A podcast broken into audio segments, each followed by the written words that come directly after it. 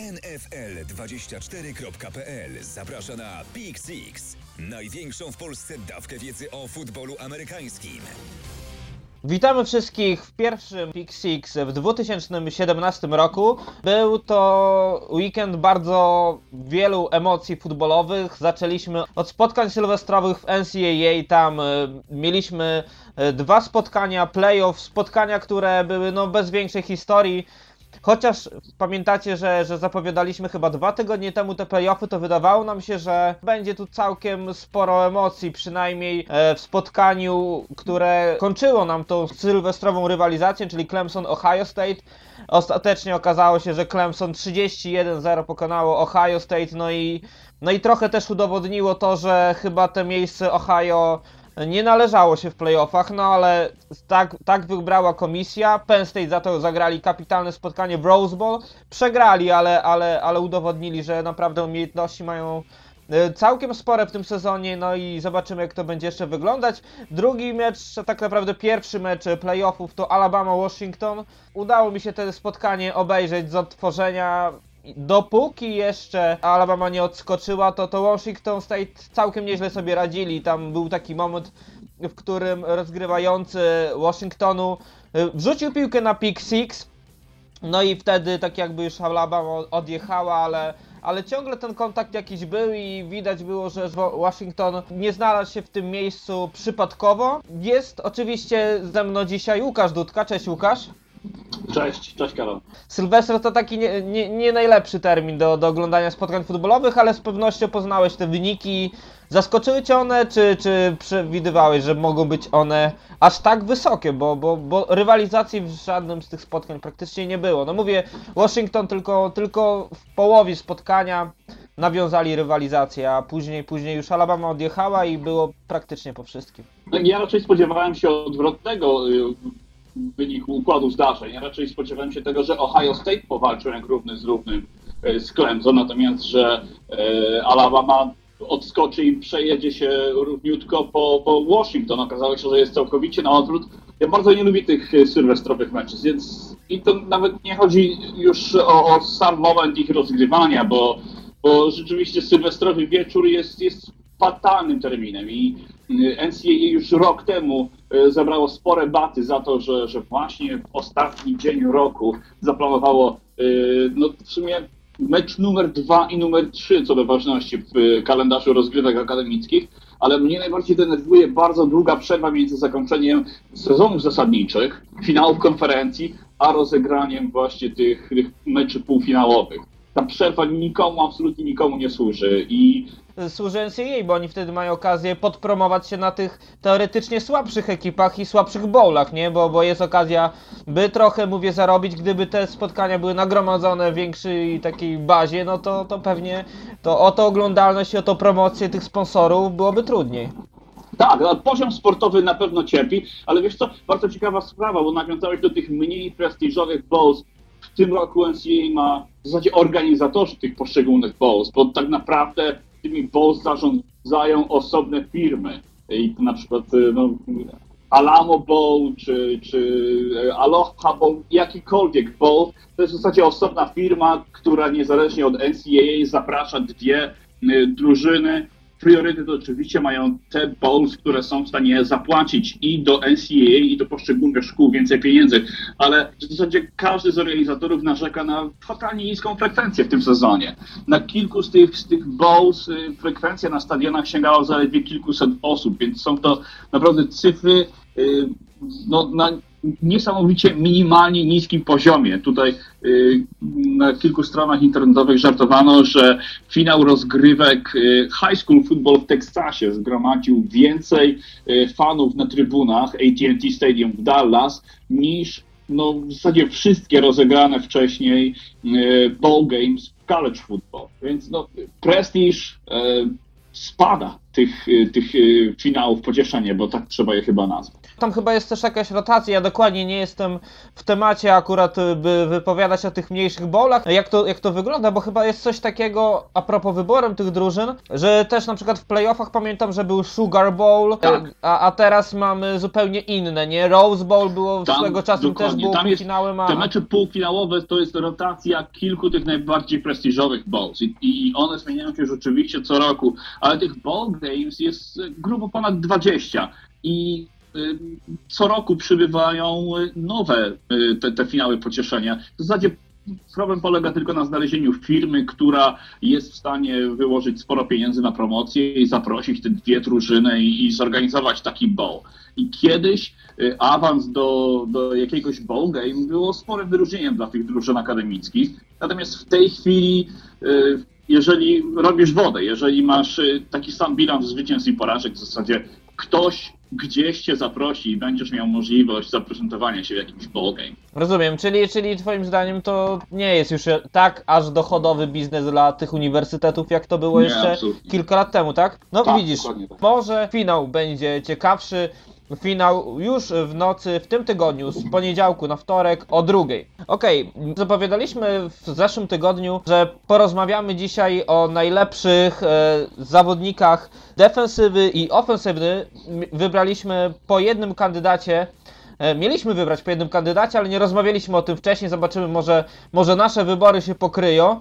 E, Zacznijmy może od najlepszego zawodnika defensywy. Moim kandydatem jest, nie wiem jak twoim Łukasz, ale mój, moim jest e, Von Miller. Zagrał kapitalny sezon, 16 pełnych spotkań. Wiemy, że w Denver w playoffach już nie będzie, ale na pewno nie przez fakt, że Von Miller zawiódł, bo no, zagrał kapitalny sezon, 13,5 saka, a pamiętamy te zamieszanie z tym zawodnikiem przed sezonem. Nie wiadomo było, czy podpisze kontrakt.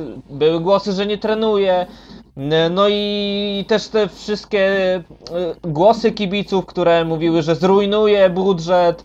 I no, było naprawdę tego mnóstwo, też występy telewizyjne, a okazało się, że to jest profesjonalista w najwyższym stopniu e, tego słowa znaczeniu, kapitalne przygotowanie i, i to był jego, jego rok. Moim zdaniem bezkonkurencyjny na tej pozycji. Jak, jakie jest twoje zdanie? Tak, ja też stawiam na Bona Millera. I, I rzeczywiście to było nazwisko numer jeden na mojej liście. No, trudno wybrać kogokolwiek innego i świetnie to podsumowałeś, bo po tym jak Denver Broncos wygrali Super Bowl, nagle Von Miller zrobił się niesamowicie modny. On w Stanach wystąpił w amerykańskiej edycji Tańca z Gwiazdami, e, co bardzo długo mu wytykano. E, Te e, przeciągające się negocjacje dotyczące nowego kontraktu. E, Bardzo tłusty kontrakt wynegocjowany przez Vona Millera i wielu krytyków zarzucało mu, że ze względu na ilość pieniędzy, które na niego przeznaczy Denver Broncos, nie wystarczy kasy, żeby utrzymać wszystkich pozostałych. I rzeczywiście parę takich ważnych klocków z tej defensywnej układanki musiało się z Denver Broncos pożegnać, również ze względu na konieczność zmieszczenia się pod salary cap. E, Miller wystąpił no, co najmniej w 10, jeżeli nie więcej, różnych reklamach telewizyjnych, więc zrobił się postacią bardzo modną i zazwyczaj taka aktywność medialna, pozawojskowa oznacza spadek formy e, na boisku. Tymczasem w przypadku Vona Millera takiego spadku nie było. Te, te No nawet- statystyki, o których powiedziałeś. Nawet lepszy sezon w sezonie regularnym. Statystyki pokazują, że to był właśnie ten rok niż, niż ten sezon, w którym został Właśnie. MVP, więc no. Szkoda, że, że grał w tym roku, mając e, za swojego kolegę no tak niedoświadczonego quarterbacka Trevor Siemian, bo, bo pewnie z każdym innym ta defensywa pod jego wodzą potrafiłaby wygrywać mecze, a tu niestety za dużo tych punktów trzeba było odrabiać. No tak, no, obrona zdecydowanie nie była problemem Denver Broncos, problemem był atak. I co ciekawe, trener Kubiak, o którym będziemy rozmawiać za parę minut, y, był właśnie odpowiedzialny, jego, jego no, domeną była gra w ataku, więc teoretycznie Broncos powinni być zbudowani y, z myślą o ofensywie. Tymczasem no, ta ekipa wyglądała całkowicie inaczej niż wskazywałaby na to konstrukcja sztabu szkoleniowego. Za to kandydat ofensywy, kogo wybrałeś? No, moim kandydatem byłby jednak Tom Brady. Zawodnik, który owszem nie wystąpił we wszystkich meczach sezonu zasadniczego, ale kiedy już był na boisku, e, no to stanowił o e, sile swojej drużyny i tutaj nie mam przed sobą statystyk Toma Brady, Nie- ale odkąd pojawił się na boisku spisuje się naprawdę, naprawdę fenomenalnie, no i na jego korzyść przemawia również fakt, że gra no, na tej pozycji, która zazwyczaj skoncentruje na sobie e, uwagę wszystkich przy rozdawaniu nagród. Pozycja ro- rozgrywającego jest jednak jakby nie było najbardziej wymagająca i od gry rozgrywającego zależy najwięcej, więc moim kandydatem byłby Baton Prey. Przypomnę te statystyki. W tym sezonie 3554 yardy, 28 przyłożeń, 2 interception, 5 fumble. No i tak jak wspominałeś, kiedy był na boisku, to, to grał fantastycznie, no ale mimo wszystko e, ja wyżej tym roku cenię Davida Johnsona, który zagrał w komplecie wszystkich spotkań, a ostatni mecz, no to była czysta groteska, bo jest to, nie ukrywam, jeden z moich takich, może nie ulubionych zawodników, ale zawodników, których bardzo cenię za solidność i, i za pewien poziom, który no, można na nich liczyć zawsze. No i w tym roku David Johnson 16 pełnych spotkań, 1239 yardów e, ziemią i aż e, 879 yardów podaniowych. To się przełożyło na 20 przyłożeń. W sumie e, chyba zdarzyły się tam 5 fumble, ale no kurczę, Wszystkie drużyny wiedziały, że David Johnson to jest opcja Arizony Cardinals numer jeden. Ustawiali dodatkowego często zawodnika w, defensywie przydzielonego właśnie do Davida Johnsona, bo wiedzieli, że to on będzie tą opcją, że opcją w red zone, że opcją bardzo często w tych, tych e, krótkich akcjach podaniowych on jednak dawał radę i często widać było, że nawet w kontakcie, kiedy, kiedy ci defensorzy już go blokują, to dawał sobie też radę jakoś się wyrywać z tych e, otchłani i też nie mogłem często zrozumieć, co się dzieje, że taki zawodnik no, ma w sobie tyle energii, bo on z akcji na akcję nie wyglądał gorzej, często wyglądał lepiej i te końcowe minuty to były jego minuty, kiedy wiadomo było do kogo Carson Palmer będzie podawał, bo to był, bo to był David Johnson, ale nie szukał innych opcji, po prostu wiedział, że, że ten zawodnik da radę w tym kluczowym momencie. No i, i brakuje mi właśnie Davida Johnsona w playoffach. No Arizona Cardinals miała w tym roku też swoje momenty, ale tak jak, jak Von Miller, no ni niestety, no nie, nie dała rady.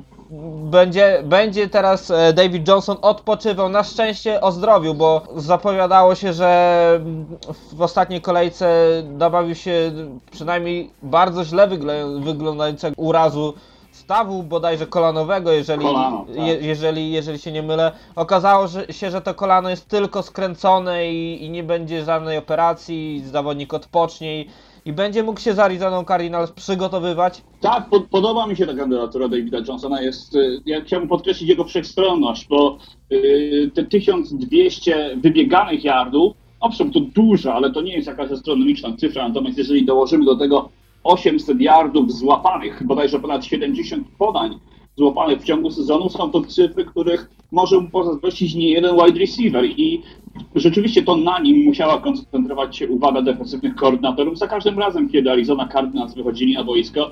Tym Johnson zawsze robił swoje. Jest to jeden chyba najbardziej widowiskowo grających zawodników w tej chwili. O ile na przykład w przypadku Leviana Bella mówi się, że y, gość ma no, taką niesamowitą cierpliwość. On jest w stanie wyczekać, wyczekać, wyczekać i eksplodować we właściwym momencie. To David Johnson przede wszystkim y, no, imponuje zwrotnością i, i swoją szybkością. On jest w stanie takim swoim wachlarzem z wodów, chciałoby się powiedzieć, wykiwać często kilku y, obrońców w jednej akcji. Więc to poza rozgrywającymi David Johnson zdecydowanie nie miał sobie równych. Ale pamiętasz, e, bo to już jest, to jest dopiero właśnie drugi sezon Davida Johnsona w lidze, w lidze NFL.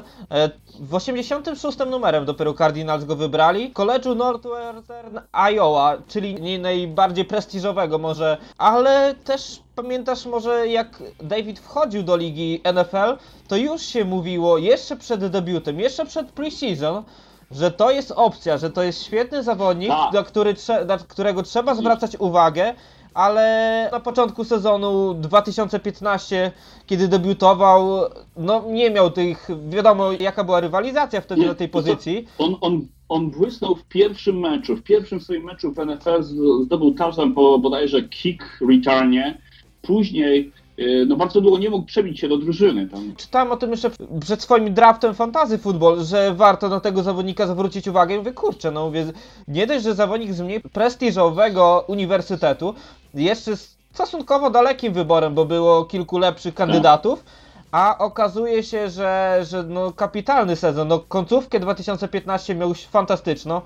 No i teraz pokazuje, że, że jest naprawdę twardy i, i, i jednak ten wybór Cardinals, mimo że stosunkowo nie najwyższy, to okazał się, się świetną opcją. Tak, dokładnie. Szybka ciekawostka jeszcze. David Johnson, y, niewiele osób o tym wie, jest trojaczkiem. On ma dwie siostry, które urodziły się dokładnie tego samego dnia. E, Kiedy on? No proszę. Wisienka na torcie.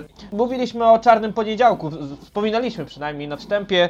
E, Gary Kubiak pożegnał się z Denver Broncos, Chip Kelly z 49ers i San Diego Chargers opuścił Mac, McCoy. Chyba spodziewaliśmy się troszeczkę więcej tych zmian, szczególnie w Jets myślałem, że, że trener poleci jeszcze, ale okazało się, że, że jednak zachował swoją posadę wcześniej. Mieliśmy e, zwolnienie w Bills, o tym już mówiliśmy i, i w Jacksonville Jaguars, więc z tego tematu już nie będziemy ruszać, ale porozmawiamy najpierw może o tych trzech nazwiskach. E, Kubiak, Kelly i McCoy. Kubiak podobno... Zaczynamy? Od Kubiaka, bo chyba najbardziej zaskakująca była to informacja. E, Mimo, że troszeczkę tego się spodziewaliśmy, jak słuchaliście uważnie naszych podcastów, to, to mówiliśmy, że Kubiak nie panuje nad szatnią i, i takie Ale zwolnienie wiesz jest. co, wejdę ci w słowo, Karol. Mhm. Kubiak zostałby na stanowisku, to on zrezygnował z pracy w Denver Broncos i to tylko i wyłącznie ze względów zdrowotnych. Myślisz, wierzysz w E, to? Bo mi się wydaje, że, że to jest taka, wiesz. No, musieli jakoś zareagować, bo przecież to jest zdobywca Super Bowl z poprzedniego sezonu. Nie mogli powiedzieć, Tak. że on nie może, nie radził sobie z szatnią.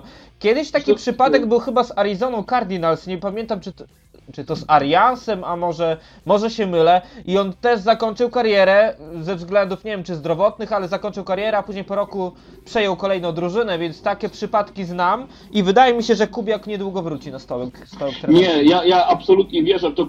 Kubiak już miał na swoim koncie sytuację, kiedy nie mógł y, trenować, bo lądował nagle w szpitalu. Więc to nie są jakieś informacje wyssane z palca, czy, czy sfabrykowane teraz na potrzeby takiej utylizacji y, Kubiaka. Taka utylizacja miała w Denver miejsce niedawno, bo John Fox odszedł niby za porozumieniem stron, a wiadomo, że John Elway go wywalił. Natomiast dlaczego tak nie było? Po pierwsze dlatego, że Kubiak i Elway to są najlepsi przyjaciele i obaj o tym, obaj o tym mówią od, od zawsze. Yy, wyleciał z Denver właśnie John Fox tylko po to, żeby Elway mógł zainstalować swojego człowieka tam na miejscu. A drugim, jeszcze ważniejszym argumentem jest to, że po odejściu Kubiaka yy, praktycznie rozleci się cały sztab szkoleniowy Denver Broncos. Nie, w zależności od tego, kto zostanie namaszczony na nowego trenera Broncos, prawdopodobnie odejdzie stamtąd Wade Phillips, który tak naprawdę jest architektem i twórcą tej świetnej formacji defensywnej Denver Broncos. Już w tej chwili spekuluje się, spekuluje się, że jeżeli Phillips odejdzie z Denver, trafi do Waszyngtonu, gdzie dziś dokładnie zwolniono defensywnego koordynatora i wszystkich defensywnych asystentów, zostawiając jak gdyby czystą kartę dla nowego defensywnego koordynatora, więc tych przesunięć będzie w Denver cała masa i, i myślę, że no, kogo jak kogo, ale Wade'a Phillipsa, chyba jednego z najlepszych defensywnych trenerów naszych czasów, yy, John Elway chciałby zatrzymać w Denver, a po odejściu Kubiaka będzie to bardzo trudne, praktycznie niemożliwe.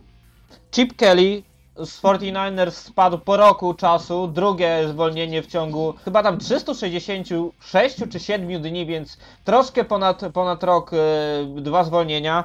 E, no i wydaje się, że chyba Chip musi wrócić gdzieś e, na przeczekanie przynajmniej albo jako ofensywny koordynator do, do ligi NFL, albo jako główny szkoleniowiec, ale już w lidze akademickiej, bo chyba szybko pracodawcy nowego nie znajdzie. Jak ty to widzisz? Na pewno nie jako główny trener. Chip Kelly sam się wypowiadał już o tym, natychmiast po zwolnieniu były z nim wywiady i Kelly mówi, że jak najbardziej rozpatrzy każdą propozycję pracy. Yy, Jego wymarzoną pozycją w tej chwili była pozycja ofensywnego koordynatora gdzieś. I zaraz ci powiem bardzo ciekawą teorię, bo jednym z głównych kandydatów do objęcia jakiejś posady trenerskiej jest e, e, aktualny ofensywny koordynator New England Patriots, e, Josh McDaniel. I jeżeli ktokolwiek miałby szansę zrobienia czegokolwiek z Chipem Kelly, który ma niesamowicie rozdmuchane ego, to byłby to Bill Belichick New England, który okiełznałby właśnie to, ten jego indywidualizm i, i byłby w stanie zmusić go do prowadzenia no, jakiejś tam bardziej cywilizowanej wersji mm, jego, jego ofensywnej filozofii, więc to byłoby bardzo ciekawe, mieć dwóch tak potężnych futbolowych y, specjalistów w jednej drużynie, w New England Patriots. Wątpię, żeby ktokolwiek inny dał szansę, przynajmniej z czystym sumieniem, y, Chipowi Kelly. I jeszcze, jeżeli mogę, to wrócę na chwilę do San Francisco 49ers. Jest, jest to w tej chwili, absolutnie nie boję się tego powiedzieć, najgorzej zarządzana drużyna w NFL. Nie Cleveland Browns, nie Buffalo Bills, ale San Francisco 49ers są takim największym burdelem. Oprócz Chipa Kelly poleciał również Trent Black, menedżer generalny San Francisco 49ers, y, odpowiedzialny za no, sporą część tego bałaganu. I no, wszystkich rozbawiła do łez konferencja prasowa prezydenta i w zasadzie właściciela klub, klubu e, Jeda Yorka, chyba najmłodszego w tej chwili właściciela jakiejkolwiek drużyny w NFL. I pytali się go dziennikarze, czy on rozważa własną dymisję, czy jak gdyby ograniczenie swoich praw, na co y, Jed York odpowiedział, że nie, ja jestem właścicielem tego klubu, a właścicieli się nie usuwa. Więc ja i tak będę na tym stanowisku, na którym jestem i dalej będę robił to, co będę chciał. Moje zabawki, ja decyduję, co z tym zrobić. Szczerze mówiąc, nie widzę y, no, światełka nawet w tunelu dla San Francisco 49ers w ciągu najbliższych y, kilku lat. Te, No mają wysoki trzy- wybór, nie? To w drafcie, gdyby tym mogą przekonać dobrego trenera, dobrego albo perspektywicznego młodego trenera. No nie wiem, no wydaje mi się, że jednak jeszcze troszkę tego potencjału tam jest. No wiadomo, że trzeba poczyścić kadry. To nie jest tak, że, że z roku na rok 49ers wrócą do, do Super Bowl, ale tak jak było to w Oakland Raiders, trzeba poczyścić jakieś 3-4 lata i no i przy zdrowym zarządzaniu, ale to też y, to też jest rola generalnego menadżera. No zobaczymy kto tam trafi. Bo, Tak, bo najpierw, najpierw 49ers zatrudnią menedżera generalnego. Już to potwierdzili, zresztą tak powinno być, tak powinna wyglądać Dokładnie. ta procedura, że najpierw jest wybierany menedżer generalny, który później zatrudni swojego trenera, więc ten proces w San Francisco będzie bardzo mocno wydłużony, ale problemów tam jest masa, począwszy od sytuacji salary cap. Yy, No jeżeli yy, Colin Kaepernick zostaje po tym sezonie nagrodzony za yy, rolę, jako, jaką odegrał w szatni jako, jako przywódca, jako lider, no to to świadczy o tym, że ktoś tam nie ma równo pod sufitem. Jeżeli Dokładnie, jak miałbym ja to wskazać- słyszałem, to mówię, no dramat, no buntował szatnie, jeszcze jakieś klękanie, ro, robienie z siebie Do, do, dokładnie. idioty, bo nie ma co się oszukiwać, on w ten sposób, no wygrał sobie później miejsce w składzie, więc ech, no No, później dostał, z niego później Dokładnie, bohater. Szatni, no to nie tędy droga. Dokładnie, dokładnie, było, co, można było wybrać kogokolwiek innego, jakiegoś młodego zawodnika, no cokolwiek, który, który mógłby być wzorem, że jednak można sportową formą dojść do czegoś, a, a tutaj pokazali Kolina Kapernika, który sami też wspominaliśmy o tym, że często sam usuwa się w szatni, nie chce z nikim rozmawiać i, i to jest bohater tego sezonu. Sorry. A w Chargers Mac McCoy y, odszedł ze składu, tego się akurat spodziewaliśmy, Tak. że, że, że opuści drużynę i, i ktokolwiek tam chyba trafi, to, to będzie najlepsze, najcieplejsze miejsce w tym, w tym roku, co? Bo w Denver trochę, Tak. trochę będzie tej roboty, a, a w San Diego no jest trochę tych klocków, do, które, które są już gotowe, trzeba to jeszcze tylko odpowiednio poustawiać. Jest jeszcze Rivers na kontrakcie, więc y, całkiem, całkiem niezła opcja dla każdego, który trenera, który, który będzie zaproszony do, do tego, by zająć y, miejsce głównego trenera Chargers. Właśnie i, i, Philip Rivers jest tutaj kluczową postacią, bo jest to już oszlifowany, doświadczony i bardzo dobry, jakby nie było, no kompetentny rozgrywający. Nie jest to Jared Goff, o którym tak naprawdę nic nie wiemy i z którym y, Los Angeles Rams y, no, są już zrośnięci biodrem na najbliższe kilka sezonów. No, nie da się go pozbyć, przynajmniej nie da się tego zrobić z czystym sumieniem. Nie jest to Siemian, nie jest to Lynch, y, jak, jak w Denver Dokładnie, Broncos. jak w Denver. Więc Rivers jest najlepszym dostępnym w tej chwili rozgrywającym, bo ani Buffalo nie ma rozgrywającego. W Jacksonville możemy się kłócić, czy, czy Blake Bortles to jest y, diament, czy nie. Rivers takim diamentem jest, więc ktokolwiek trafi do San Diego, będzie miał w miarę proste zadanie. Poza tym y, właściciele Chargers będą się już w tej chwili starali zbroić y, przed przenosinami klubu do Los Angeles, który nastąpi no, wcześniej raczej niż później. Więc zależy im na sprowadzeniu jakiegoś y, no, klasowego trenera. Coraz głośniej mówi się o transferze Shona Paytona y, z Nowego Orleanu właśnie do San Diego i było to dla niego, byłoby to dla Paytona bardzo miękkie lądowanie, bo wymieniłby jednego Pro Bowl quarterbacka na drugiego, więc miałby spory problem z głowy. Takimi bardzo mocnymi kandydatami y, do objęcia jakiejś posady y, szkoleniowej są McDaniels, o którym już mówiłem, i Kyle Shanahan, który jest w tej chwili ofensywnym koordynatorem Atlanta Falcons i nawiążę do tego, co mówiłeś o y, Macie Ryanie. Ryan się niesamowicie rozwinął y, tym sezonie, kiedy tak naprawdę wgryzł się, zrozumiał i poczuł się komfortowo w tym systemie Kyla Shanahana. Mimo, że Y, często y, też warto dorzucić, Julio Jones był nieaktywny, nie? Bo to była jego główna Tak. strzelba. Musiał sobie radzić bez niego i to wychodziło, wychodziło nieźle, bo jak mówiliśmy, że jest to potwór, jeżeli chodzi o, o grę dołem, no to oczywiście tak, tak było, ale w grze podaniowej też potrafił czy to Gabriela znaleźć, czy Mohameda Sonui. No właśnie, ale cała ta machina w Atlancie działa super, jeżeli nie jedna część, to druga i, i wszyscy czuli się naprawdę komfortowo i, i, i wszyscy no, działali tak, jak powinni działać. Niestety Kyla Shanahana jestem pewny, y, że w Atlancie w przyszłym sezonie nie będzie. Jestem bardzo ciekawy, jak ofensywa Atlanty będzie spisywała się z nowym y, ofensywnym koordynatorem, bo Shanahan y, na pewno, jestem tego pewien, obejmie jakąś posadę trenerską. Sporo mówi się też o Dave'ie Tobie, który kiedyś był y, koordynatorem Special Teams w Chicago, teraz jest spe- koordynatorem Special Teams w Kansas City i tak naprawdę gdziekolwiek pójdzie, y, gdziekolwiek się znajdzie, ta formacja Special Teams od razu plasuje się w ligowej czołówce, więc to też jest materiał na, wydaje mi się, bardzo dobrego, bardzo solidnego trenera w przyszłości. O ile oczywiście ktoś będzie w stanie mu zaufać i powierzyć kluczyki do, do swojego samochodu. No ale tak jak wspominałeś też o tej filozofii, tak sobie wyobraziłem filozofii Falcons w Chargers, tak sobie to teraz wyobraziłem. Rzeczywiście wygląda to też bardzo podobnie, tak jak mówiłeś o Peytonie, który miałby, przechodziłby z, z jednego takiego e, systemu w drugi, niemal identyczny, byłoby mu łatwo, łatwo się tu zaaklimatyzować. Tak Falcons, e, z Falcons do, do San Diego Chargers również byłoby nie- podobnie, bo Ryan to no w tym sezonie to szczególnie e, Mhm. quarterback, quarterback, który też jest e, co najmniej pro bowlerem, a może nawet MVP. E, No i, i jednak też tam ta, ta gra dołem też całkiem nieźle funkcjonuje. Skrzydłowych mają niezłych. Wybory w drafcie również. To jest też by nadzieja się w sprawiło. defensywie, bo mamy już tego filara w osobie Joey Bossy, więc Dokładnie. Diego super. Dokładnie, dokładnie. No zobaczymy, jak to, jak to się rozwiąże. Te informacje, spekulacje i rozmowy będą teraz trwać. E, porozmawiamy też sekundkę o tych, którzy zostali na swoich stołkach. O Peytonie właśnie też chciałem trzy słowa nadmienić, to może na wstępie, a później jeszcze o Foxie, który, który został na ławce Chicago Bears. No i, i tak zaczynając od Peytona, wy, wydawało nam się, że, że prędzej czy później on opuści, pu, opuści Sainza, a widziałem już jego słowa, których deklarował, że na 100% świętych będzie w przyszłym roku.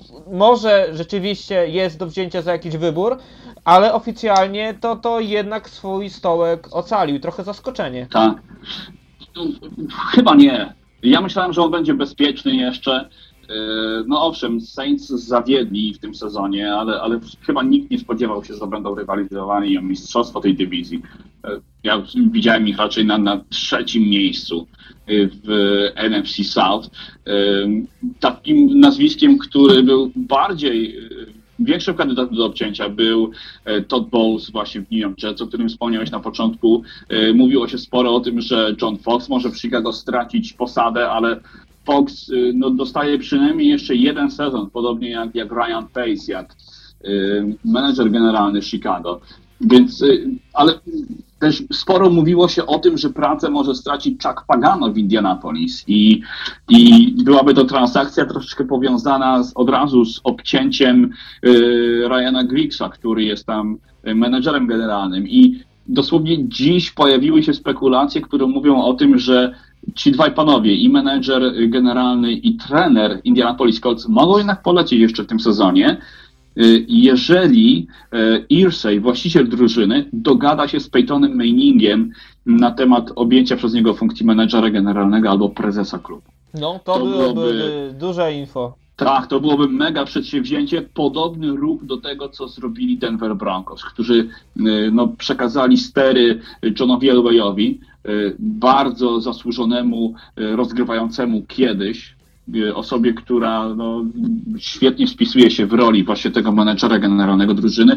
Peyton Manning gwarantuje to, że będzie pracował na 1000%, tak jak doskonale spisywał się jako rozgrywający, poświęcał temu 100% swojego czasu, tak jako menedżer generalny, no chyba nie ma żadnych wątpliwości, że Manning e, no, zrobiłby tą robotę, która będzie mu powierzona dobrze. Właśnie, tym bardziej, że mając już to swoją przeszłość, nie, nie tylko sportowo, ale też e, no były różne Biznesową. afery. I biznesową, ale, ale były też różne afery z Peytonem. Myślę, że to jest e, zawodnik teraz już bardzo odpowiedzialny i ostrożny, a na biznesie też się zna, więc myślę, że ogarnąłby taki, taki temat, tym bardziej, że Andrew Luck to jego, jego następca, nie? I myślę, że też Tak. nawet takie rozmowy mogłyby pomóc samemu Andrew ogarnąć temat, chociaż i tak jest świetnym quarterbackiem, ale mimo wszystko, no troszeczkę doświadczenia czasami mu jeszcze brakuje i ja czasami widzę w nim, widzę w nim błędy, trochę paniki, no może też to, że, że, że to linię ofensywną miał, ma, miał tako słabo, no ale mimo wszystko nie można wszystkiego tym, tym bronić. Johnem Manningiem w składzie Colts wygrywali średnio 12 meczy na sezon i zawsze byli w playoffach. Z Dokładnie. Andrew Luckiem w składzie przy e, takiej obsadzie reszty drużyny, jak w tej chwili Colts nie mogą się dopchnąć do playoffów już któryś sezon z rzędu, więc coś tu nie gra. Dokładnie. Aaron Rodgers wcale dużo lepszej linii ofensywnej nie ma, a kapitalne spotkania potrafi rozgrywać, szczególnie w tej drugiej części sezonu, więc y, porównujemy Rodgersa do Laka, ale myślę, że to jest ten sam potencjał, przynajmniej y, tak, tak się sądzi w Colts, więc no, no musi ten Andrew ten temat też troszeczkę moim zdaniem lepiej ogarniać, no ale zobaczymy jak to będzie wyglądać w przyszłym sezonie. Ten sezon to jest już y, dla nich koniec. Okej, przechodzimy do zapowiedzi. Dzisiaj krótkie zapowiedzi, bo, bo tylko cztery spotkania. E, O, o, innych, e, o innych drużynach porozmawiamy za tydzień, a więc zaczynamy od e, Houston Texans Oakland Raiders. Spotkanie z no takim kurczę, nie wiem, no ja teraz mam mieszane uczucia jak, jak ten mecz będę oglądał, bo pamiętam ostatni mecz, kiedy Raiders z zdrowym Derekiem Carem, kiedy no mieli te wszystkie swoje atuty, praktycznie no przegrali mecz y, wtedy w Meksyku, bo tam był błąd sędziego, pamiętam i, i gdyby, gdyby to, ten błąd był naprawiony, to Texans spotkanie prawdopodobnie by wygrali.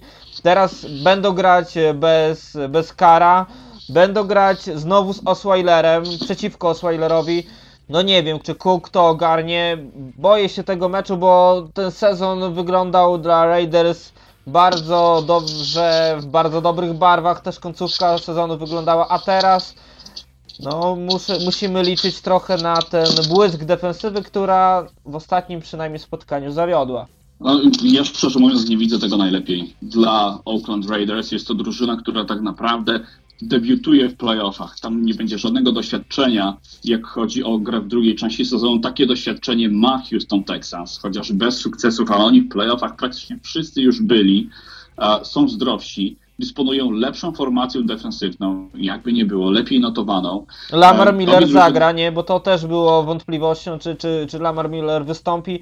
Teraz już wiemy, że Dokładnie. tak. To jest jednak solidny taki, taka, taka kotwica bezpieczeństwa dla Osweilera.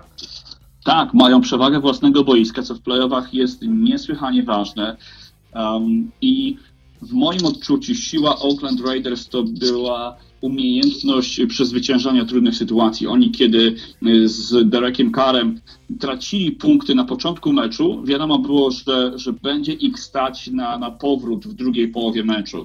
Natomiast teraz z, z rezerwowymi um, będzie trudno o, y, o, o taki ofensywny błysk i, i o umiejętność przezwyciężania trudności. Więc jeżeli wynik, im wyższy wynik, to zawsze paradoksalnie, tym gorsza sytuacja dla, dla Oakland Raiders, przynajmniej w moim odczuciu, ale ja spodziewam się y, małej ilości punktów, meczu zdominowanego przez formacje defensywne i no niestety, szkoda.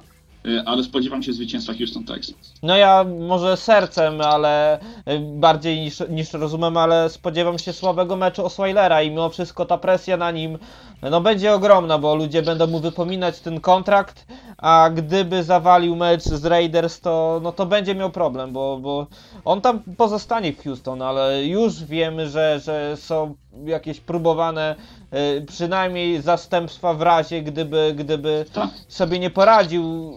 Teraz nie ma co ukrywać, on by siedział na ławie, tam by grał Savic, tylko, tylko że on nie może zagrać i, i wchodzi do składu Osweiler, a jego y, backupem będzie Brandon Whedon, drugi świetny quarterback, który też zapisał się w historii e, świetnymi, świetnymi występami. Taki y, jest jego kompilacja chyba z Cleveland Browns, kiedy, kiedy ki- kibice Cleveland stworzyli taki świetny highlight jego najlepszych występów. Może wrzucimy wam e, do tego podcastu w wpisie. No jest to, jest to naprawdę komiczne, ale tak, tak to wygląda teraz w Houston i myślę, że ta pozycja quarterbacka trochę ratuje całkiem niezłą defensywę Raiders, chociaż mówię w poprzednim spotkaniu wybitnie nie dali sobie rady, szczególnie Emerson nie dał rady, Mac wystąpił poniżej oczekiwań. Jeżeli teraz wystąpi, mówię, na miarę swoich umiejętności, Porównuje się często go z Vonem Millerem. Von Miller w takich spotkaniach pokazywał, dlaczego jest MVP, dlaczego trzeba mu płacić tak grube pieniądze. Mac musi to udowadniać, to nie jest rookie, więc no zobaczymy. Kolejny mecz to Seattle Seahawks Detroit Lions. Tutaj bookmacherzy dosyć mocno stawiają na Seattle Seahawks 1,28 do 4,05 na, na jednej ze stron. No kurczę, ja aż tak tego wyraźnie na korzyść Seattle Seahawks nie widzę. No nie wiem jak ty, ale dla mnie to ta drużyna, porównując swój potencjał z początku sezonu do tego, co prezentuje teraz, jest dużo gorzej. No, defensywa za zawodzi.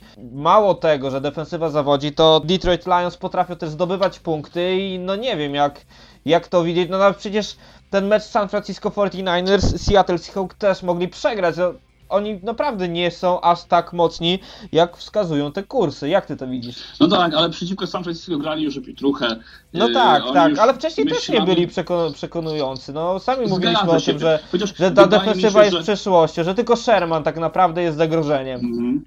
Wydaje mi się, że tutaj geniusz, no geniusz. Wydaje mi się, że tutaj zmysł trenerski Pita Karola już ustawiał tą drużynę pod playoffy. Jest to ekipa e, bardzo zaprawiona w tych, w tych playoffowych bojach i oni wiedzą, jak ustawić priorytety, jak się do tego przygotować.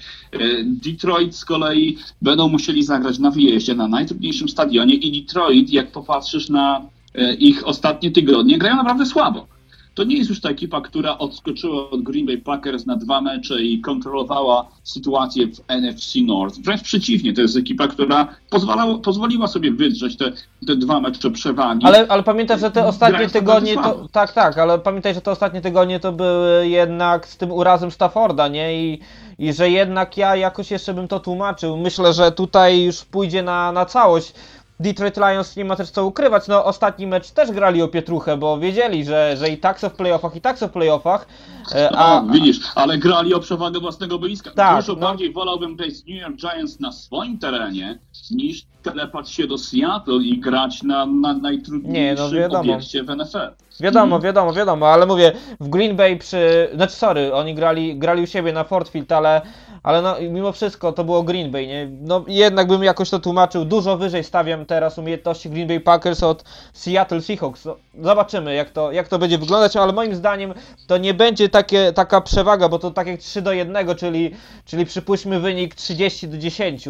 Nie widzę tego, że, żeby aż tak... Tak, no do, dokładnie, tak dużej różnicy nie będzie, ale myślę, y, że, że Seahawks bez problemów wygrają ten. A największym faworytem w tych, y, w tych spotkaniach y, tego tygodnia jest Pittsburgh Steelers przeciwko Miami Dolphins i oni 1,22 kurs mają do 4,72. No i tutaj też aż tak tego no wysoko nie widzę, bo kurczę no Steelers też mają swoje kaprysy, nawet grając u siebie.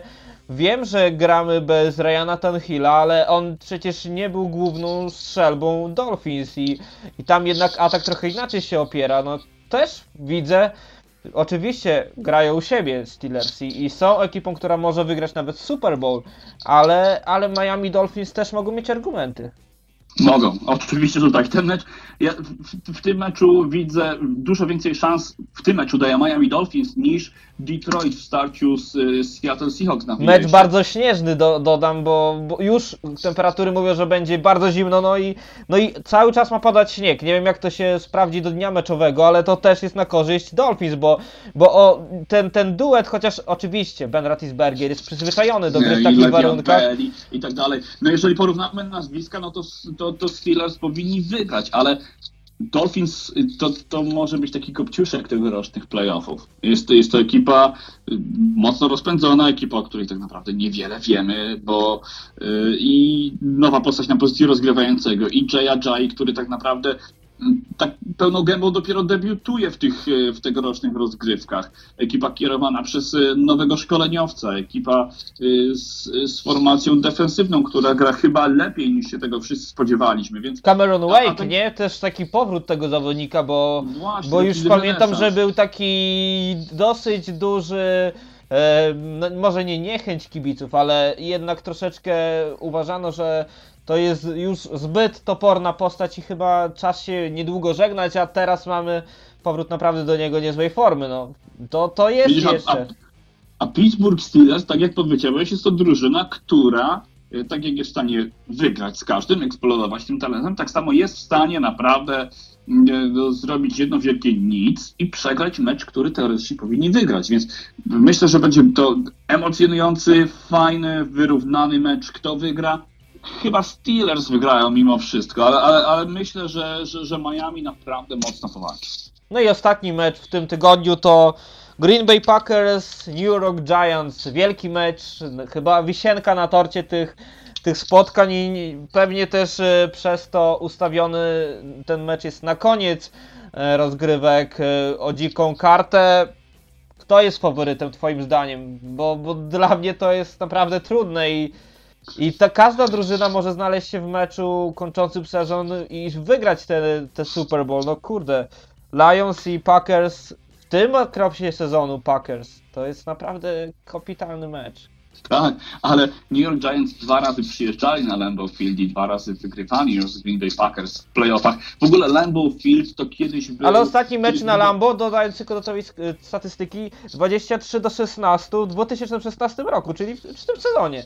E, Świeżutko. tak, tak, tak, to oni wygrali, więc jednak E, Lambeau Field w playoffach to przez e, długi okres czasu była taka zaczarowana kraina, gdzie wszyscy przyjeżdżali e, walczyć ze smokiem i, i odjeżdżali z kwitkiem i przegrywali. Green Bay Packers przez dziesięciolecie nie przegrali meczu w playoffach na Lambeau Field, aż przyjechał e, fenomenalny Michael Vick jeszcze wtedy z Atlanta Falcons i ten czar prysł i od tego momentu mm, Lambeau Field jest odczarowany i, i wygrać tam wcale nie jest tak trudno. Tym bardziej, że tak jak mówię, Giants wydaje się, że mają patent. Giants to też jest ekipa, która yy, no, w tym składzie, z tym rozgrywającym przede wszystkim, yy, wygrała już nie jeden mecz w playoffach. Yy, walczyła ona o najwyższe cele, więc będzie to yy, pojedynek dwóch dobrze poukładanych drużyn, dwóch drużyn, które są na fali w tej chwili. Bo Green Bay Packers, odkąd no, się pozbierali i grają naprawdę fenomenalnie, Aaron Rodgers nie rzucił ani jednego interception od pięciu czy siedmiu ostatnich spotkań. Yy, mają nowego, świetnie dysponowanego zawodnika na pozycji running backa w postaci Ty Montgomery. Coraz lepiej gra formacja defensywna, mimo tego, że wytyka się im yy, przede wszystkim w secondary yy, sporo, sporo błędów. Jest to, tak jak powiedziałeś, chyba najlepiej zapowiadający się, najciekawszy mecz, mecz, który powinien nam dostarczyć najwięcej emocji i przed meczem, i w trakcie meczu. E, całym sercem kibicuję New York Giants, z wiadomych powodów. Okej, to, to jeszcze na koniec e, mamy 8 zespołów w tym tygodniu. Jak myślisz, która z nich ma szansę na wygranie Super Bowl twoim zdaniem w największym stopniu? I zobaczymy, a może, a może coś się sprawdzi, bo przecież kiedyś New York Giants z tego poziomu właśnie Super Bowl wygrali. I to stosunkowo Tak. niedawno. Z tych drużyn, które są w tej chwili w. Które, które grają w ten, w ten weekend? No moim faworytem ogólnie są New England Patriots, ale oni do gry e, Wracają za tydzień. dopiero w przyszłym tygodniu. Natomiast teraz Ach, pewnie któraś z drużyn z NFC. Wydaje mi się, że Seattle Seahawks są taką ekip- ekipą, która może y, bardzo mocno zaskoczyć i zwycięzca meczu New York Giants Green Bay Packers. To będzie ekipa, która będzie miała spory wiatr w żagle, będzie to prestiżowe zwycięstwo przeciwko bardzo trudnemu rywalowi, więc ktokolwiek wygra ten mecz, może siłą rozpędu dotoczyć się do, do samego końca. Bardzo dyplomatyczna odpowiedź. Moim zdaniem jest to ekipa Green Bay Packers, ale pewnie ty z wielu względów też jej nie wytypowałeś, więc, fu, fu, a kysz! więc, więc, e, więc tak to wygląda. Okej, to wszystko, je- jeżeli chodzi o zapowiedzi przyszłego tygodnia. Dużo się dzieje, zarówno mówię, już finałowe rozstrzygnięcia w lidze NCAA, finałowe bowle. E, Polecamy wszystkim, no i szczególnie ten mecz e, poniedziałkowy, z poniedziałku na wtorek, finał Alabama-Clemson. Moim faworytem jest oczywiście Alabama w tym sezonie. Mieli kilka słabszych momentów, ale, ale jednak pokonać się nie dali. Trzy słowa na koniec, chciałbyś Łukasz jeszcze dopowiedzieć, czy żegnamy? Nie, czekamy. No, przyszły tydzień, to jest mój ulubiony tydzień rozgrywek. Plefy zostaną odsiane, do gry wejdą najlepsi, ale, ale po tym drugim tygodniu rozgrywek zdecydowanie Wildcard ogląda się super, więc życzę wam wszystkim, no, fajnych, emocjonu- emocjonujących meczów. To wszystko od nas na dzisiaj. Byli z wami Karol Potaś.